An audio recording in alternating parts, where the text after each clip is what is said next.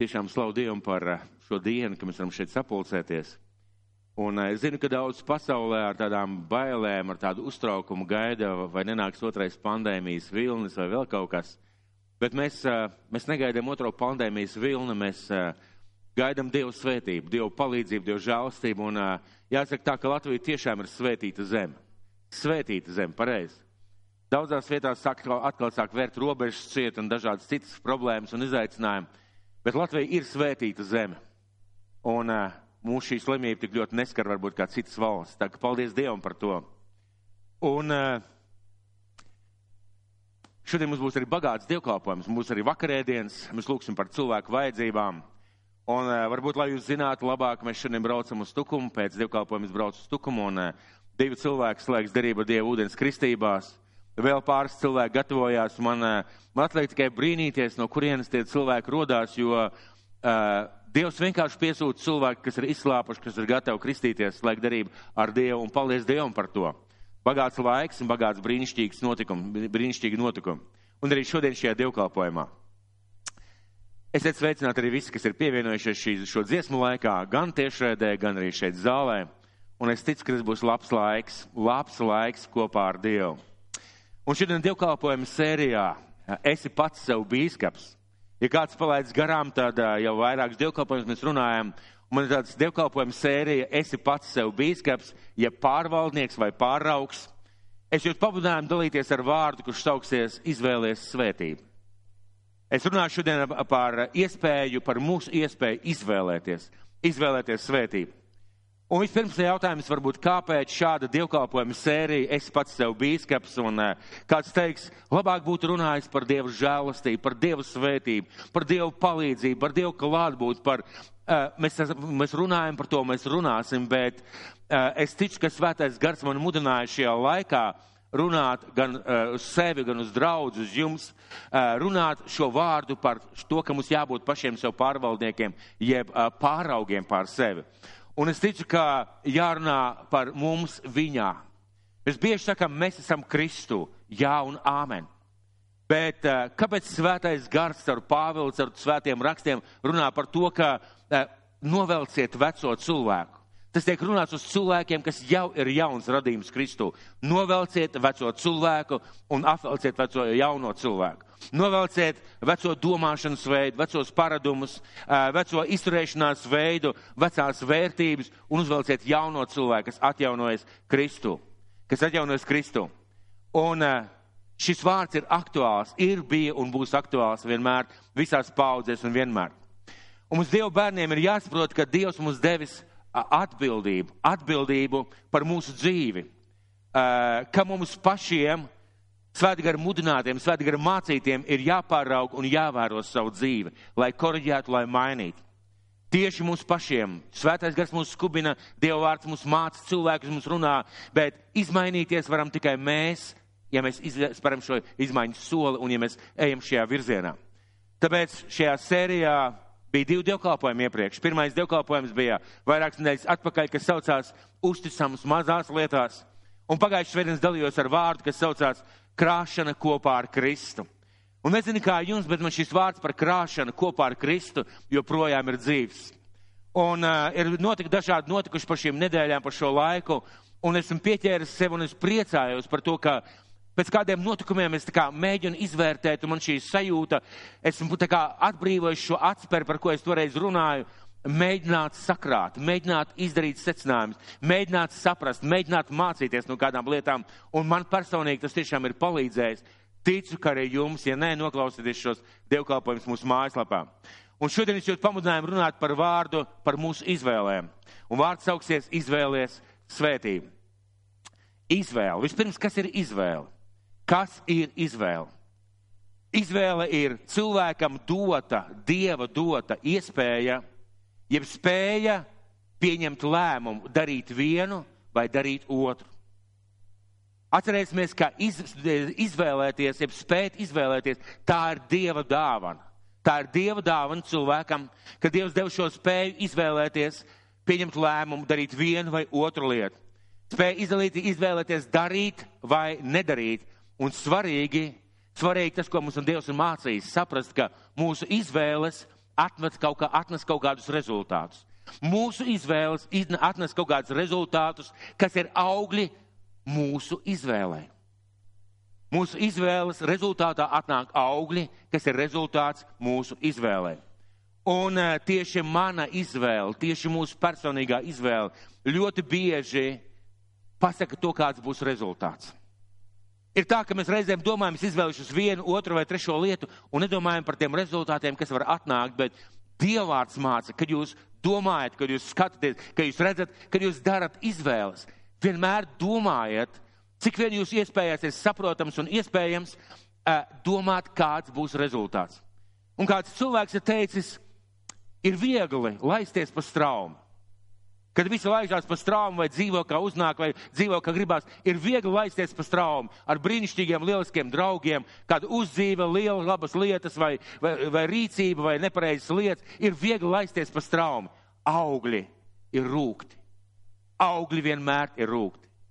Grūti ir piespiest sev mainīties. Grūti ir domāt, ko vajag mainīt savā dzīvē. Grūti ir pieņemt kādus nērtus lēmumus, augļi vienmēr ir saldi. Un mūsu lēmumi vienmēr balstās uz mūsu izvēli. Ko mēs izvēlamies darīt un kā mēs vēlamies. Un, piemēram, es šeit stāvu uz skatuves. Ļoti vienkāršs piemērs, un būs vēlāk vēl, vēlāk vēl viens piemērs. Es stāvu uz skatuves. Un ja šī vieta, kur ir tā kā šķirtne šīm divām plaknēm, viena iet uz leju, viena iet uz augšu.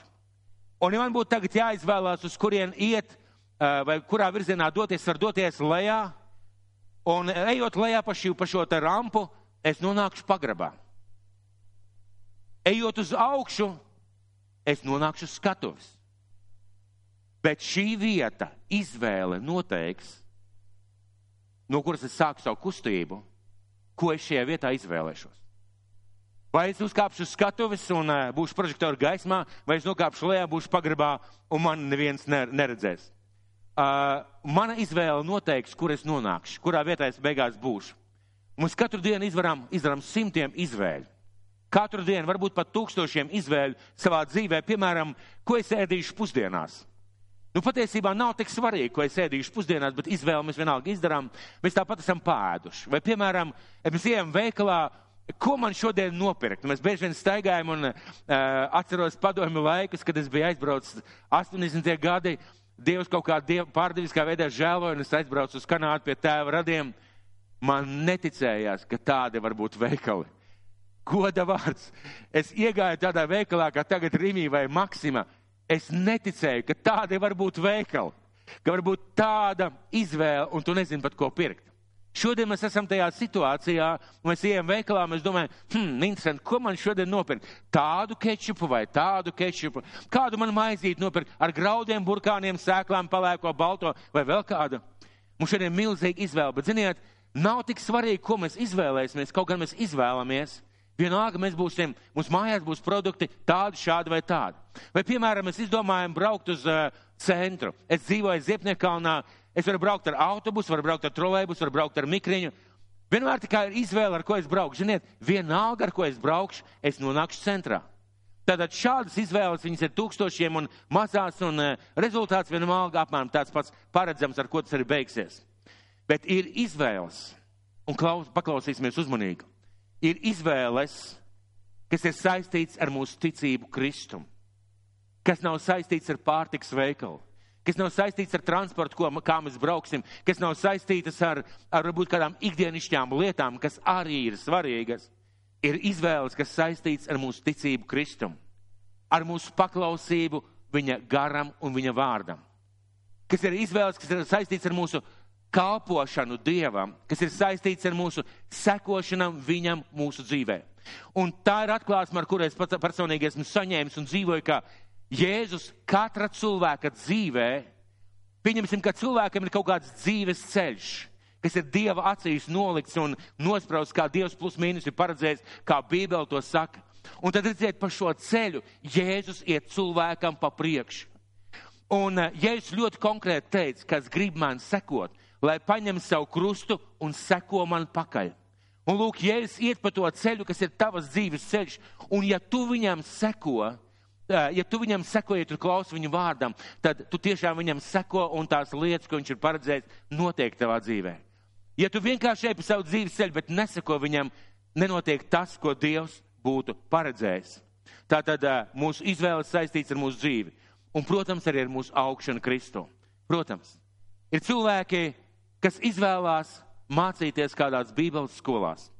Un tā ir bijusi izvēle. Nevis miekli lēmums, bet varbūt apzinātāk vai mazāk apzināta izvēle. Un šī izvēle nosaka, pēc pusgada, gada vai pieciem gadiem, kāds šim cilvēkam būs atklāsme, zināšanas par Dievu vārdu. Ir izvēle arī augt, sekojot Dievam, arī augt. Un tās viss ir svarīgs. Tas viss ir ļoti svarīgs. Un uh, tās arī izdarām mēs paši. Arī šīs izvēles izdarām mēs paši. Un augļus mēs saņemam un baudam arī paši. Un kas ir nemaz svarīgi, arī mūsu cilvēki, kas ir mums apkārt. Mūsu izvēles kopā ar Dievu ļoti iespaidot cilvēkus, kas ir mums apkārt. Piemēram, Dievvvārds saka, piedodiet. Un ja es, Dieva bērns, izvēlos piedot saviem tuvajiem vai, vai varbūt tālākiem cilvēkiem, es it kā viņus atbrīvoju no šī garīgā cietuma, un man var veidoties normālas, labas attiecības, vienalga kaut gan viņi man darījuši pāri. Ja es izvēlos nepiedot, starp mums būs siena un cietoksnis. Un starp mums būs nepiedošana un sliktas attiecības. Mana izvēle iespaido arī tos cilvēkus, kas ir mums apkārt. Mūsu izvēle. Un arī apkārtējie cilvēki bauda šos augļus. Vispirms, kāpēc mēs varam uzticēties Dievam? Kāpēc mēs varam uzticēties Dievam tajās mūsu izvēlēs vai tajās lietās, kur Dievs mūs aicina viņam sekot? Un es gribētu jūs vest uz 93. psalmu. Es viņu jau lasīju pašā sākumā, un uh, mēs varam paņemt savus uh, bībeles, atvērt savus bībeles 93. psalmu un uh, arī savus pierakstu klādes. 93. psalms. Un es lasīšu pantu pa pantam un mēģināsim saprast, ko dziesmanieks, ko šis cilvēks uh, ir mēģinājis uzrakstīt šajos psalmā, šajā psalmā, un ko svētais gars ir gribējis ielikt šajā psalmā, lai mēs saprotam. 93. psalms, sākot ar pirmo pantu, un es runāšu pantu pa pantam. Tas kungs ir ķēniņš, tērpies godībā, ģērbies varonumā un apjozies ar spēku. Viņš ir nostiprinājis zemi, kad tā nekustas. Un mēs varētu šo psalmu vienkārši izlasīt kā tekstu, bet padomāsim uzmanīgi, kas tur ir pateikts. Ko svētais gars ir vēlējies tev un man pateikt ar šiem vārdiem? Un arī tiem cilvēkiem, kur varbūt šobrīd šeit zālē sēž un ir skeptiski, vai varbūt netic Dievam, vai varbūt nav vēl uz šī ceļa, ko svētais gars gribējis pateikt šiem vārdiem? Tas kungs ir ķēniņš, mīļie, ķēniņu valda. Dievs saka, ka viņš valda pār debesīm un pār zemi tērpies godība. Redziet, godība var būt jebkuram imperatoram. Godība var būt jebkuram uzurpātoram, jebkuram, teiksim, kādam uh, bagātam cilvēkam, zelta podi, brīnišķīgas telpas, liela māja, skaista pils. Bet tālāk ir teikts, ģērbies varenumā. Dievs ir ģērbies varenumā. Varenumā, un ja Dievs saka, viņš ģērbies varenumā, šis varenums valda pār visu pasauli un apjozies ar spēku. Dievam ir spēks lielāks nekā mēs spējam vispār iedomāties kādā situācijā, kāds var būt kādam spēks. Un, un otrā šī panta daļa saka, viņš ir nostiprinājis zemi, ka tā nekustas. Kāpēc šie panti viņš ir nostiprinājis zemi, ka tā nekustas? Sakiet, mīļie, vai šo kancelu var izkustināt? Protams, ka var. Vai šo māju var sagraut liela zemestrīce? Protams, ka var. Kas var izkustināt zemi? Un Dievs šajā vietā dod šo piemēru, lai mēs saprastu, ka mūsu acīs ir neizkustināmas lietas, bet Dievs to ir radījis un Viņš valda par to. Dievs radījis šo zemi un Viņš valda par to. Tas nozīmē, ka Dievs ir kaut kas tāds, kam es varu uzticēties. Otrais pants. Tavs godības krāsas stāv stipri no sendienām. Tu Dievs esi no mūžības uz mūžību. Sakiet, kad jūs aiziet pie ārsta, ja jūs gribētu, jums kāda kaita būtu vaina, un jums būtu iespēja izvēlēties ārstu, kādu ārstu jūs izvēlētos? Jaunu studentu vai cilvēku, kurš ir praktizējies ārzemēs, cilvēku, kuriem personīgā klinika, cilvēku, par kuru raksta avīzēs vai runā pa televīziju, kādu jūs izvēlētos? Jūs izvēlētos cilvēku, kuram ir pieredze. Un šī, šī Bībeles pants saka, Dievs ir no mūžības uz mūžību. Mīļie, tas nozīmē, ka Dievs ir radījis šo zemi. Viņš ir redzējis, kā viņa acis ir redzējuši, kā rodās zeme pēc viņa paša pavēles. Viņš ir redzējis, kā piedzimst, kā ceļās tautas, kā, kā piedzimst cilvēki, kādas izvēles viņi izdara, kādus lēmumus viņi pieņem, kāds lēmumiem ir rezultāts, kā cilvēki piedzimst un kā cilvēki aiziet mūžībā. Un šis Dievs, kas ir no mūžības uz mūžību, viņam ir visas atbildes. Viņam ir skaidra zināšana, kas ir pareizi, kas nav pareizi. Viņš zina, kādus rezultātus kāda rīcība atnesīs. Tas man liek domāt par Dievu kā visgudrāko, zinošāko un pareizāko personību visā visumā. Viļņu kalna cēlās, saka kungs, tie krāca un plīsa, tie šņāks ar vienu vēl jo stipri. Minēja Viļņu kalnu, ko šis pants nozīmē? Šis pants nozīmē par notikumiem pasaulē un par mūsu dzīvēm. Reizēm ir situācijas mūsu dzīvē, ka mums liekas, ka nu nav vairs uz kā pastāvēt. Nav vairs pie kā turēties plānoju to, tas ne, neizgāzās, domāju to, tas neiznāca. Mēs zinām, kas notika ar pandēmiju. Šīs pandēmijas laikā, mīļie, pasaule ir mainījusies. Un, kad mēs parunājam kādreiz savā starpā, ja mēs tikai parunājam un iedomājamies to situāciju, ka, kas varēja, kurš varēja iedomāties, ka vienā dienā var būt aizslēgtas robežas Eiropas Savienībā?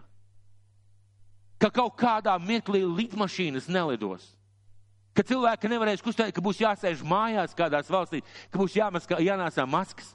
Ja gadu atpakaļ kādam to pastāstīt, pateikt, nu beidz, tas vienkārši nav iespējams. Mūsu pasaule ir savādāk uzbūvēta, savādāk veidot šobrīd, tas vienkārši nav iespējams. Un šie viļņu kalni runā par apstākļiem, par situācijām, kas nav cilvēka kontrolē. Un tālāk šis pāns saka, eh, ceturtais pāns, bet varenāks par lielo ūdeņu krākšanu, varenāks par jūras bangām ir tas kungs savos debesu augstumos.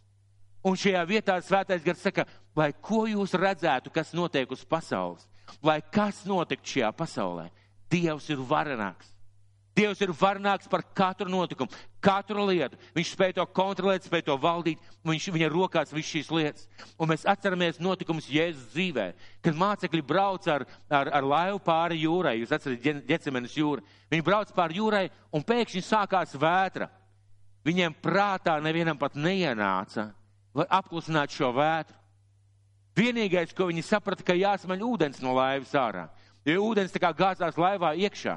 Un tad viņi saprata, ka viņu laivā ir vēl viens cilvēks, kurš varētu kaut kādā veidā palīdzēt. Tas ir Jēzus. Viņa modina Jēzus, saka, vai tu nebēdā, ka, vai tu nebēdā, ka mēs slīkstam, ka mēs grimstam? Un Jēzus pieceļās un saka, klusu mierā, un vējš apstājās. Ik viens no mums ir bijis pie jūras, droši vien, kad ir bijuši liela viļņi. Noteikti, vai ne? Vai vētra bijis tepat kaut kur Latvijā, vai laukos esat bijuši, vai tepat Rīgā, kad lietus gāž kā ar spaiņiem. Es domāju, ka daudz no mums ir bijuši tādās situācijās. Un kas notiek? Liekas, kas to var apturēt? Kas to var apstādināt? Un, ja es pasaku vienā mirklī, klusu mierā, un vētra nostājās. Un šis, šis psalms man pasaka, ka Dievs ir varnāks par visiem viņiem, visām vētrām, visiem notikumiem šajā pasaulē, par visu, kas var nākt. Un piektais pants - tavas liecības par taviem nodomiem un paredzamām pavēlēm ir visai uzticamas. Ja man vajadzētu prasīt kādam padomu, ja mums vajadzīgs padoms, nav zinošāks personas uz planētas Zeme un visā visumā kā Dievs. Nav. Tas nozīmē, ka es lasu viņa vārdu. Viņa vārds nav radies tā vienkārši hopes izdomājumu pateicis. Viņa vārdā ir ielikta gudrība, kas ir no zemes eh, radīšanas sākuma. Dievs, kurš radīja debesis un zemi, un Bībele saka, ka gudrība rotaļājās viņu priekšā, kad viņš radīja zemi. Ziniet, ko man tas pasaka? Tas pasaka, ka Dievs radīja fizikas, garīgos, fizika, fiziskos un vispārējos likumus. Viņš tos radīja. Viņš zina, kā kas ko iespaido, kā kādā veidā kaut kas uz kaut ko atsaucās. Viņš to zina. Un šis pants saka, ka tavas liecības par taviem nodomiem un paredzamām pavēlēm ir visai uzticamas. Tas nozīmē, ka es varu uzticēties Bībelē. Bībelē ir Dieva gudrība par lietām, kas atnes svētību, par lietām, kas izmaina dzīvi, par lietām, kas izmaina notikumus un situācijas. Es varu uzticēties. Reizē mēs neusticamies tāpēc, ka mēs nespējam sap, saprast varbūt Dievu vārenumu vai lielumu. Bet šis pāns saka, jūs varat uzticēties, jo viņš ir uzticams, viņš visu zina, visu spēj. Un pēdējā panta daļa. Tavas liecības par taviem nodomiem ir paredzamas un paredzamām pavēlēm ir visai uzticamas. Svētums ir tava nama jaukums, ak, kungs, vienmēr un mūžīgi. Svētums ir tava nama jaukums. Vārds svētums nozīmē atdalītība no visa ļaunā. Mums var būt varans valdnieks kādā zemē, varbūt spējīgs, gudrs cilvēks, varbūt tiešām cilvēks, kurš zina, spēja valdīt, viņam daudz atbildes un strateģiski plānu un plānošanas. Bet ir kāda lieta, kas ir pateikta par Dievu - svētums. Un svētums nozīmē, ka Dievā nav nekādas tumsas, ka Dievā nav nekā ļauna, nekā netīra, nekā nepareiza, nekā greiza. Dievs mūs nekad nenodos, nekad neatstās, nekad nepametīs nelaimē. Dievs ir pilns žēlsirdības un žēlstības, un Dievā ir svētums. Un viss tas kopumā man pasaka, es varu uzticēties Dievam. Jo mūsu izvēles gandrīz šajos jautājumos vienmēr ir par uzticēšanos Dievam vai par neusticēšanos. Un mēs izdarām savas izvēles balstoties uz to, kāda mums ir atklāsme par Dievu un sapratne, cik ļoti mūsu izvēle iespaidos mūsu dzīvi. Kad notika pirmā izvēle? Dievs runā uz mums caur savu vārdu. Kad notika pirmā izvēle cilvēces vēsturē?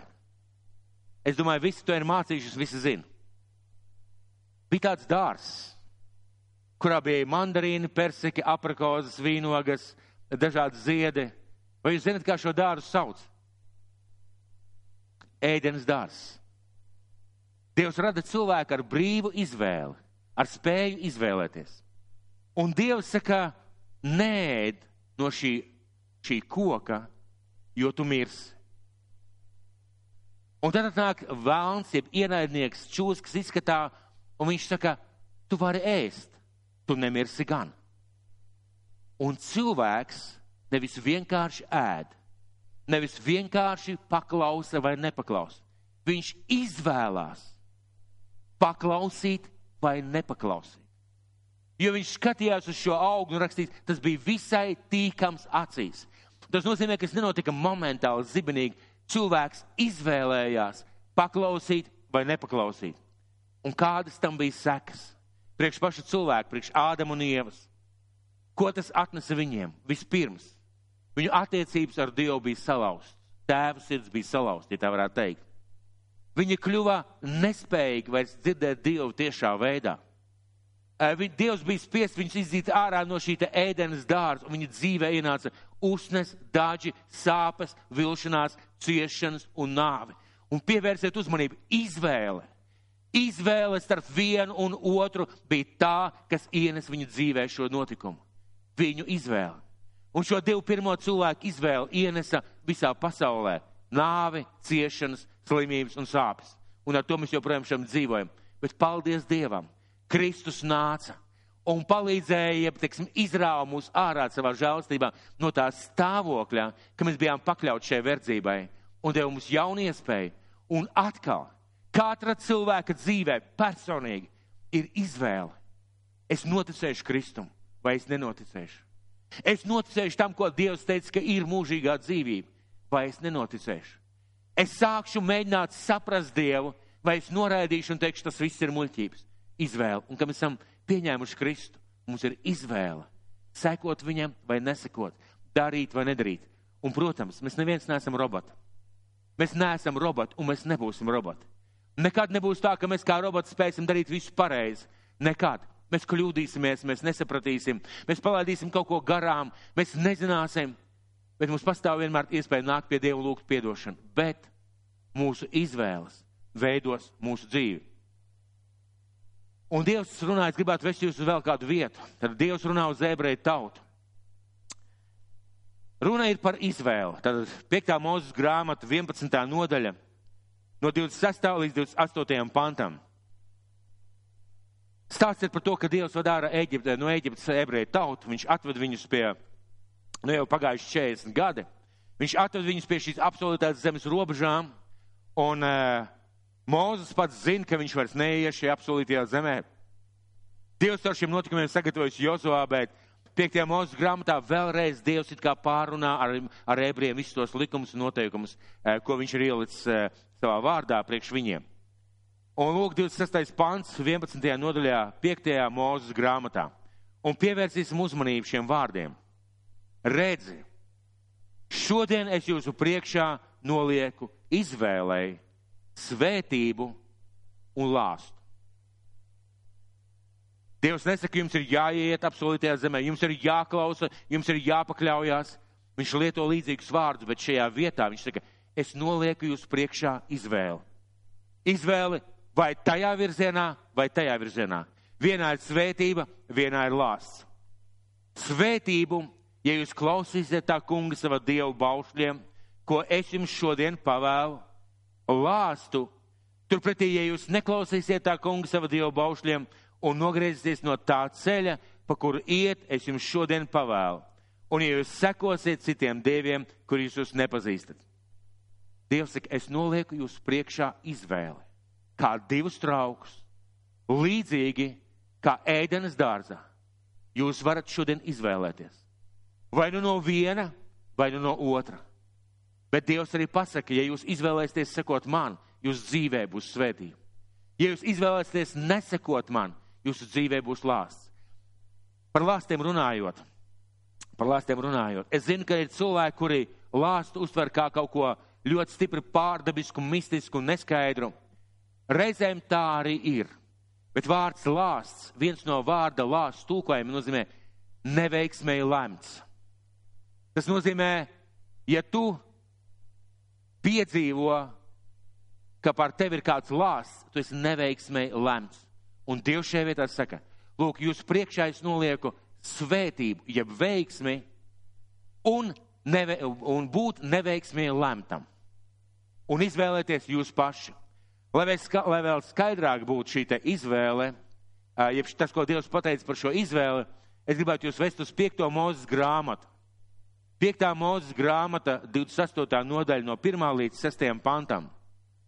5. mūzes grāmata no 28. nodaļas, 28. no 1. līdz uh, 6. pantam. Lasīsim kopā. Un kad tu apzinīgi uzklausīsi tā kunga savie dieva balsī, kad tu glabāsi godam visus viņa baušus, ko pildīt, es tev šodien piekodinu tad tas kungs tavs dievs tevi jo augstu pacels pār visām zemes tautām. Un pār tevi nāks visas šīs svētības. Un tās tevī piepildīsies, jo tu būsi klausījis tā kunga savu dievu balsī. Tā kā paskaidrojums par starp šīm divām izvēlēm. Svētīts tu būsi pilsētā, un svētīts tu būsi laukā. Svētīts būs tavs klēpja auglis, un svētīts būs tavs zemes auglis. Svētīts būs tavs lopu auglis, tavu lielopu vaisla un tavs sīkloku, pieaugums. Svētīts būs tavs grozs, svētīta būs tava abra, svētīts būs, būs ieiedams un svētīts tu būs iziedams. Dievs noliek šo izvēli savas tautas priekšā. Un viņš saka, ja jūs klausīsiet mani, jūs kāpsiet uz augšu. Jūs kāpsiet uz augšu, un es būšu tas, kas nodrošinās jums veiksmi. Ja jūs neklausīsiet mani, jūs kāpsiet uz leju. Jūs kāpsiet uz leju un jūs zaudēsiet, zaudēsiet un zaudēsiet. Kā tas izklausās vārdos? Un tālāk mēs varam lasīt 15. pantu un 16. 19. tālāk. Bet, ja tu neklausīsi tā kungs Dievu balsī, neturēsi un neizpildīsi visus viņa baušus un viņa likumus, ko es tev šodien pavēlu, tad pār tevi nāks visi šie lāsti un tie tevi smagi skars.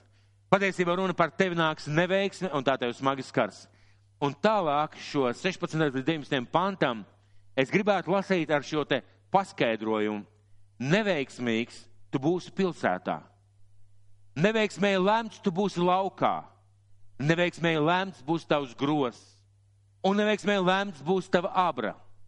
Neveiksmēji lemts būs tavs klēpja auglis un neveiksmē lemts būs tavs zemes augurs.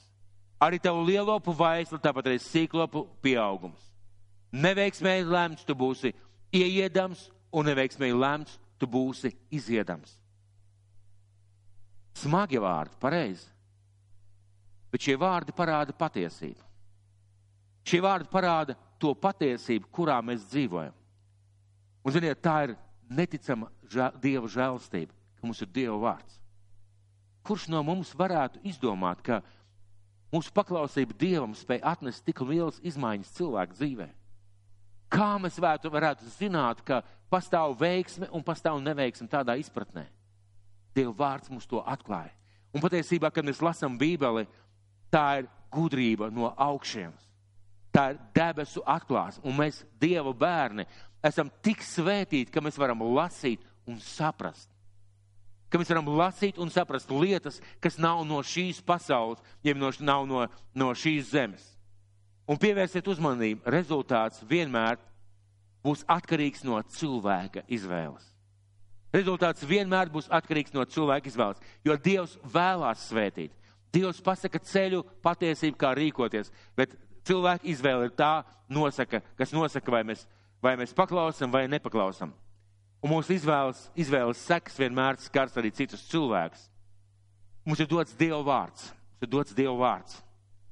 Un mēs saprotam, mēs zinām, mēs varam lasīt, ko izvēlēties. Svētais gars runā caur vārdu uz mūsu prātu, uz mūsu sirdi, caur cilvēkiem, caur notikumiem par izvēli, kādās lietās mēs esam aicināti Dievam kā, izvēlēties paklausīt. Kāpēc? Pirmām kārtām esam aicināti paklausīt un izvēlēties viņam uzticēties. Manā dzīvē bija kāds notikums, mēs organizējam kādu, kādu pasākumu. Bija kāds pasākums, kas nebija šajā draudzē, jeb no šīs draudzes nebija. Tas bija kāds pasākums ārpusē, un eh, tajā laikā bija diezgan tāds sarežģīts finansiāls situācija, un es braucu, un es darīju, un es organizēju. Un, ziniet, eh, pienāca tā diena, kad ir jābrauc, un man nav vienkārši, es zinu, ka man ir nauda tikai turpceļam, degvielai. Atpakaļ man nav. Un man bija tāda sajūta tā doma tā. Vajadzētu tagad lūdzot Dievu saprast, no kā varētu aizņemties to naudu. Vajadzēja braukt, braukšanai naudu, un tā nebija nekāda liel, pārāk lielā summa, bet nu, tomēr. Un man ir tikai uh, nauda turpceļam. Atpakaļ es vairs nevaru atbraukt. Un es sāku domāt tā, no kā man vajadzētu aizņemties. Un tajā mirklī, tajā mirklī atnāca svētais gars pār mani, es nokritu ceļus, teicu, Dievs, Es apzināti, es apzināti, es apzināti izvēlos tev uzticēties, ka tu parūpēsies. Un ka es nepalikšu kaut kur mežā ar savu tukšo bāku. Es apzināti izvēlos to darīt. Es nevienam neprasīju, nevienam neko neteicu. Beidzot šis pasākums pienāca cilvēkam un pateica, brāl Jāni, mēs gribam tevi svētīt. Un tā bija uz izvēles uzvara. Mēs esam aicināti izvēlēties, uzticēties Dievam. Mēs esam aicināti izvēlēties, nodoties Dievam. Mēs esam aicināti izvēlēties, piedot. Mēs esam aicināti izvēlēties, nožēlot grēkus. Mēs esam aicināti izvēlēties, mīlēt cilvēkus. Ir cilvēki, saka, es mīlu visu pasaules, mīlu cilvēkus, un daudziem cilvēkiem tas ir vienkārši. Bet jebkuram cilvēkam ir grūti mīlēt savu ienaidnieku. Ir grūti piedot saviem ienaidniekiem ir grūti. Tā vienmēr ir izvēle. Jo Dievs teica, piedod, mīli, un tā vienmēr ir izvēle. Vienmēr ir izvēle. Mēs esam aicināti izvēlēties svētīt, ziedot, izvēlēties kalpot Dievam, izvēlēties uh, piedot cilvēkiem, izvēlēties kristīties, izvēlēties būt draudzē, izvēlēties būt mājasgrupā. Mēs esam aicināti izvēlēties, un mūsu izvēle nosaka to rezultātu kurā mēs šobrīd esam. Un atkal es gribētu teikt, 27 gadus atpakaļ es izvēlējos, tā bija mana izvēle, kurus, uz kuras svētais gars mani mudināja uzņemties vadīt šo draugu. Man nebija sagatavošanas, man nebija zināšana, man nebija varēšanas. Es vienkārši pieņēmu lēmumu, Dievs, es izvēlos. Un es uzticos tev, ka tu palīdzēsi. Un Dievs ir bijis uzticams. Un vienmēr mūsu rīcības pamatā, jeb mūsu rīcībai pamatā ir izvēle - darīt vai nedarīt. Un, ziniet, šī izvēle svētī mūs pašus. Un pareizs izvēles svētī arī tos cilvēkus, kas ir mums apkārt. Tāpēc izvēlēties svētību. Šie dienā vārds savukārt izvēlēties svētību. Es gribētu tos papildināt un teikt, izvēlēties svētību un izvēlēties svētīt. Jo izvēloties svētību, ar automātiski tu izvēlies svētīt arī citus cilvēkus. Kāpēc mēs bieži izvēlamies neiet, kā Jēzus to būtu gribējis? Kāpēc mēs bieži izvēlamies, izvēlamies darīt savādāk, nekā mēs zinām, ka Dievs būtu vēlējies? Kāpēc mēs bieži izvēlamies nepaklausīt? Ļoti bieži. Pirmām kārtām ir patīkamāk uz to brīdi. Ir patīkamāk uz to brīdi izvēlēties darīt savādāk. Vienkārši cilvēciski ir patīkamāk. Otrām kārtām ir ērtāk, pieņemamāk. Nu, ērtāk vienkārši. Tiešām kārtāk ir vieglāk uz to brīdi, kad ir izvēles brīdis, ir vieglāk izvēlēties šo lietu. Vienkāršāk izvēlēties darīt savādāk. Tas ir arī mūsu egoisms. Mūsu egoisms, kas liek mums strīdēties pretīm, runāt pretīm, un tās arī ir mūsu sajūtas. Ļoti bieži mūsu sajūtas ir tās, kas spiež uz mums, liekot mums sajusties, ka mums ir jāizvēlās citādāk. Un, protams, mēs izvēlamies arī pēc savām sajūtām kādas lietas, bet, ja tas neiet kopā ar Dievu vārdu, ja neiet ar to Dievu atklāsmu, kur Dievs mums ir devis, tad mūsu sajūtām vajadzētu iet mazumā, mums vajadzētu pieņemt izvēli rīkoties savādāk. Sakiet, vai jūs atceraties Ābraham? Ābrahams ir minēts kā mūsu ticības tēvs. Ābrahams minēts kā mūsu ticības tēvs. Ar ko sākās viņa uzvara? Ar viņu uzticēšanos Dievam. Bet tad Dievs saka, brīnišķīgi, lieliski. Paņem savu dēlu un upurē uz tā kalna, kur es tev parādīšu. Un nepavēlti ir rakstīts, ka Ābrahams gāja trīs dienas. Vienkārši vienā mirklī es izvēlos te uzticēties un es izdaru. Un pēc tam, lai notiek, kas notiek. Trīs dienas vest savu dēlu, zinot, ka tur tajā kalnā tev viņš būs jāupurē. Tā bija izvēle.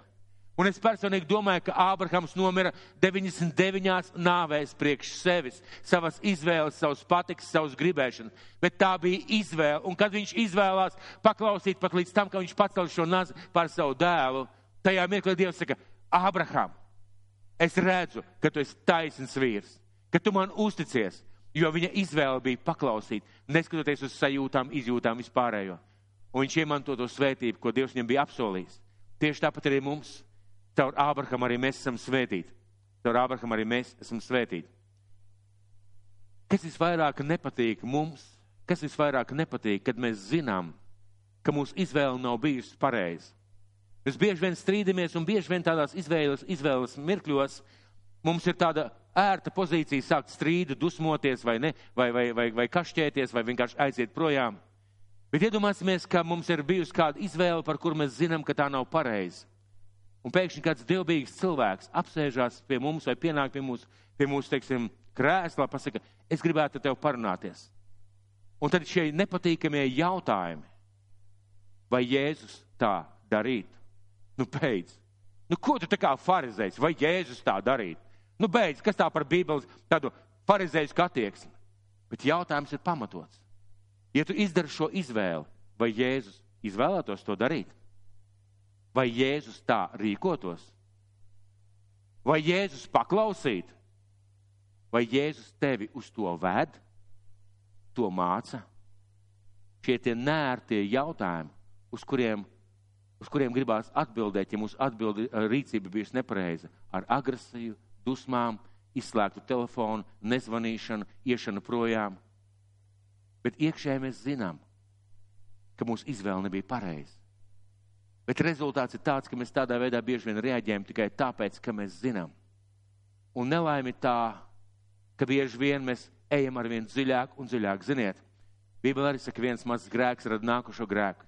Ja tu esi paspēris vienu soli uz leju, ir tik pierast un vienkārši spērt otru soli. Ja kāds tev ķer aiz rokas un teiks, saka, kur tu iesi, pagaidi, tu kraties nostunēji tālāk.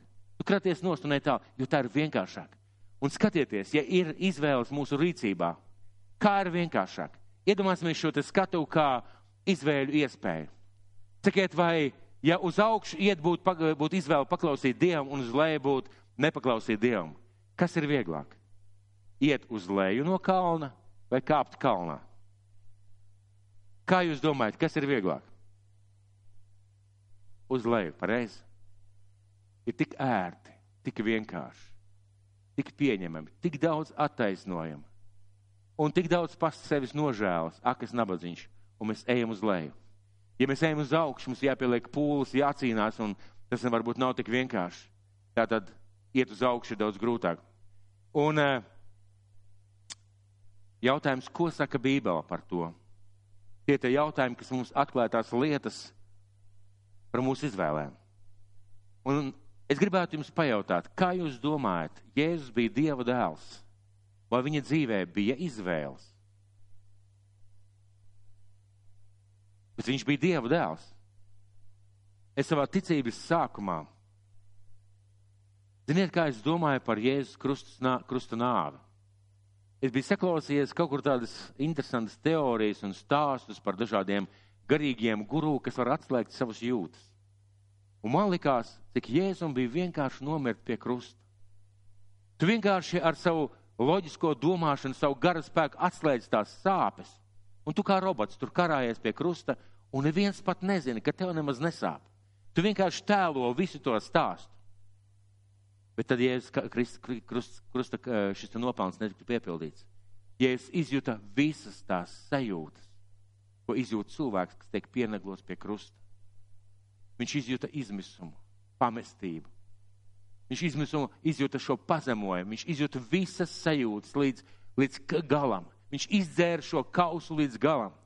Bet, ziniet, tā bija viņa izvēle. Paklausīt.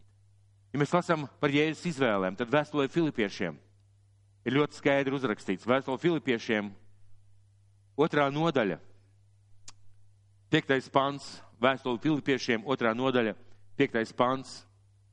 Savā starpā turiet tādu pat prātu, kāds ir arī Kristu Jēzu, kas Dieva veidā būdams neturēja par laupījumu līdzināties Dievam, bet sevi iztukšoja pieņemdams kalpa veidu, tapdams cilvēkam līdzīgs. Jēzus izvēlējās atstāt debesu godību. Mēs nespējam iedomāties, kas valda debesīs un kā tur ir godība, bet Jēzus izvēlējās cilvēku dēļ un tēva mīlestības dēļ uz cilvēkiem atstāt dieva godību. Vai jums kādreiz ir gadījies nezinu, no labi koptas, skaistas uh, pilsētas uh, iebraukt pilnīgos laukos, kur viss ir aizaudzis. Putekļainas, dubļainas. Droši vien kādam ir gadījies. Kontrasts ir milzīgs, pareizi. Un, kad mēs braucam uz laukiem, mēs parasti dziedam no putekļiem ārā no dūmiem, kur saulēnais pavasars mūs sauc. Ja? Ir tāda dziesma, reizēm mēs braucot uz laukiem tā dziedam. Bet iedomāsimies Dieva godību un Jēzus Dievs būdams neturās pie šī stāvokļa būt par Dievu, bet iztukšo sevi, kļūdams cilvēkam līdzīgs. Viņš nonāk uz šīs grēcīgās, netīrās, asiņu sāpju un ciešanu pilnās pasaules. Un viņš neizvēlās labāko vietu tajā laikā pasaulē. Viņš nonāk Izraēlas tautā, kur, bija, bija, kur viņam bija jāpiedzimst. Tautā, kas ir paverdzināta, nospiest, kur valda romieši ar savu dzelzu zābaku.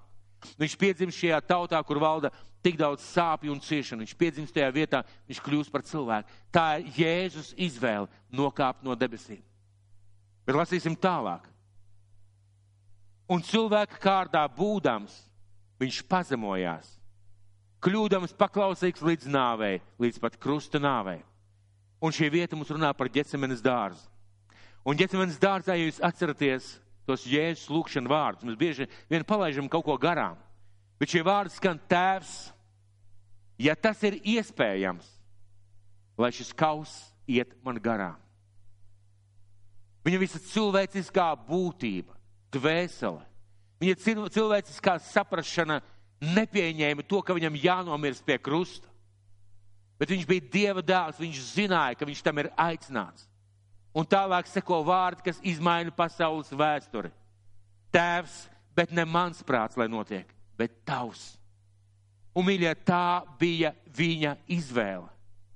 Kad Poncijas Pilārs pēc tam ar viņu runā, mēs skatāmies, ka Jēzus bieži vien noklusē. Un kad viņam saka, vai tu nezini, ka man ir vara tevi atlaist vai, vai, vai, vai, vai, vai sist krustā, viņš saka, tev nebūtu nekādas varas, ja tev nebūtu dota šī vara no augšienes.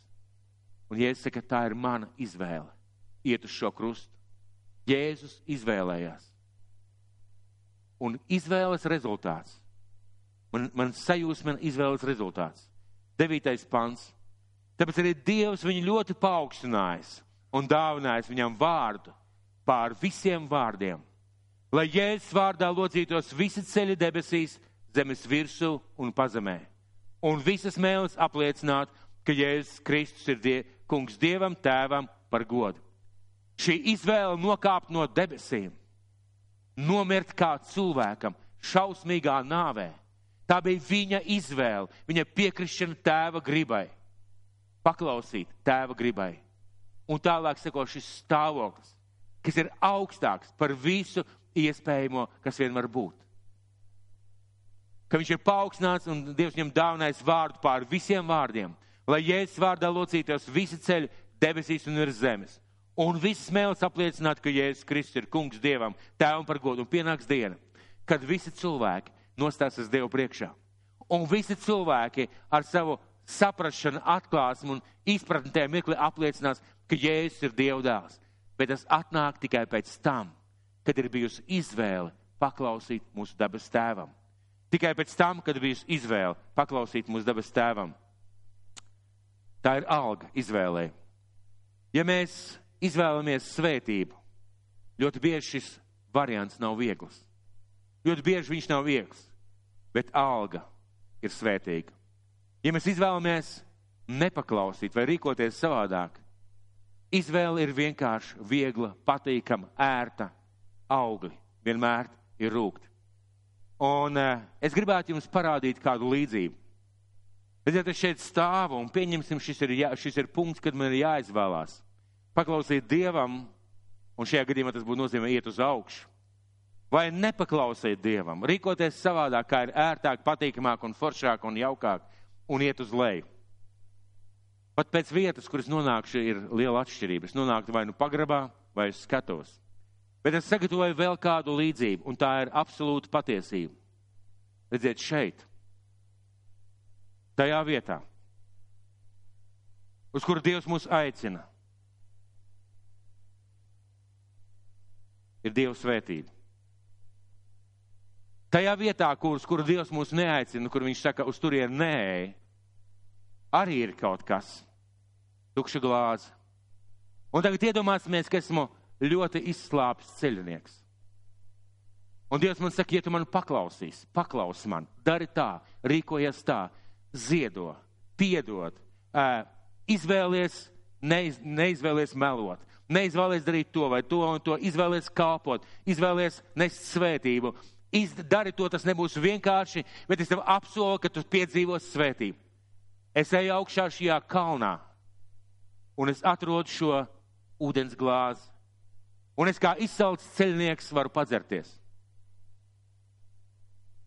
Bet ārpus tā es kļūstu spējīgs svētīt arī citus. Es kļūstu spējīgs svētīt arī citus. Man ir citiem ko dot. Ja es izvēlos vienkāršāko, vieglāko, ja mana izvēle ir nepaklausīt Dievam, es arī kaut kur dodos, arī kaut kas, nonā, no, no, kaut kas notiek bet es nonākšu pie sasistas silas. Es nonākšu pie ūdens glāzes, kurā nekad ūdens nav bijis un arī nebūs. Un Dievs saka, ja tu izvēlēsies man nepaklausīt, tu būsi nelaim, neveiksmē lemts dārzā, laukā, pļavā, savās finansēs, savā dzīvē. Un tas ceļš tev liksies jauks, patīkams, ērts, šim brīdim ļoti pieņemams. Tikai zini, tas tevi piemeklēs. Un mūsu izvēle kuru mēs izdarām, ir tieši tā, kas nosaka, kādi būs mūsu augļi. Visi gribētu būt svētīti, un visi var būt svētīti. Dievs ir sagatavojis mūsu svētības, Viņš vēlās mūsu svētīt, bet mūsu izvēle nosaka to, vai mēs to piedzīvosim. Vai mēs to piedzīvosim, vai mēs tajā virzienā virzīsimies. Un man personīgi, kā uzraugam, kā bīskapam, kā pāraugam par savu dzīvi, man ir atbildība saprast, ka manas izvēles taisa manu dzīvi, ka mani lēmumi, kurus es pieņemu, kaut ko atstās manā dzīvē un citu cilvēku dzīvē. Man kā uzraugam, kā bīskapam par sevi ir šī atbildība. Un Dievs ir mīlestības pilns, Viņš piedod mūsu kļūdas. Viņš nomazgā mūsu grēkus, viņš palīdz mums celties, un esam gājuši tajā virzienā. Mums pastāv jebkurā mirklī iespēja griezties atpakaļ. Bet Dievs nevēlas, lai mēs 40 gadus staigājam pa tūkstnesi. Lai mēs nodzīvojam 50 gadus savā dzīvē. Es esmu redzējis, mīļie, raudāt gribās. Tu satiec kristieti, kuram ir 70 gadi, viņš saka, es visu dzīvi ticēju Dievam, un tu klausies viņa dzīves stāstu un domā, šausmas. Un tu prasi viņam, bet kas tavā dzīvē bija labs? Nu, bija jau kaut kas labs tam līdzīgi. Vai tu kalpoji Dievam, vai tev ir kādi augļi, vai tev ir kaut kādi rezultāti? Nē, vienas vilšanās, vienas sāpes, vienas nepatikšanas un uzvaras prieka nulle. Es runāju ar tādu cilvēku daudzus gadus atpakaļ, un vienīgais, kas viņa dzīvē bija palicis pirms viņa nāves, ja tā varētu teikt, rūkums uz Dievu un uz draudz, jo viņa izvēles bija nepareizas.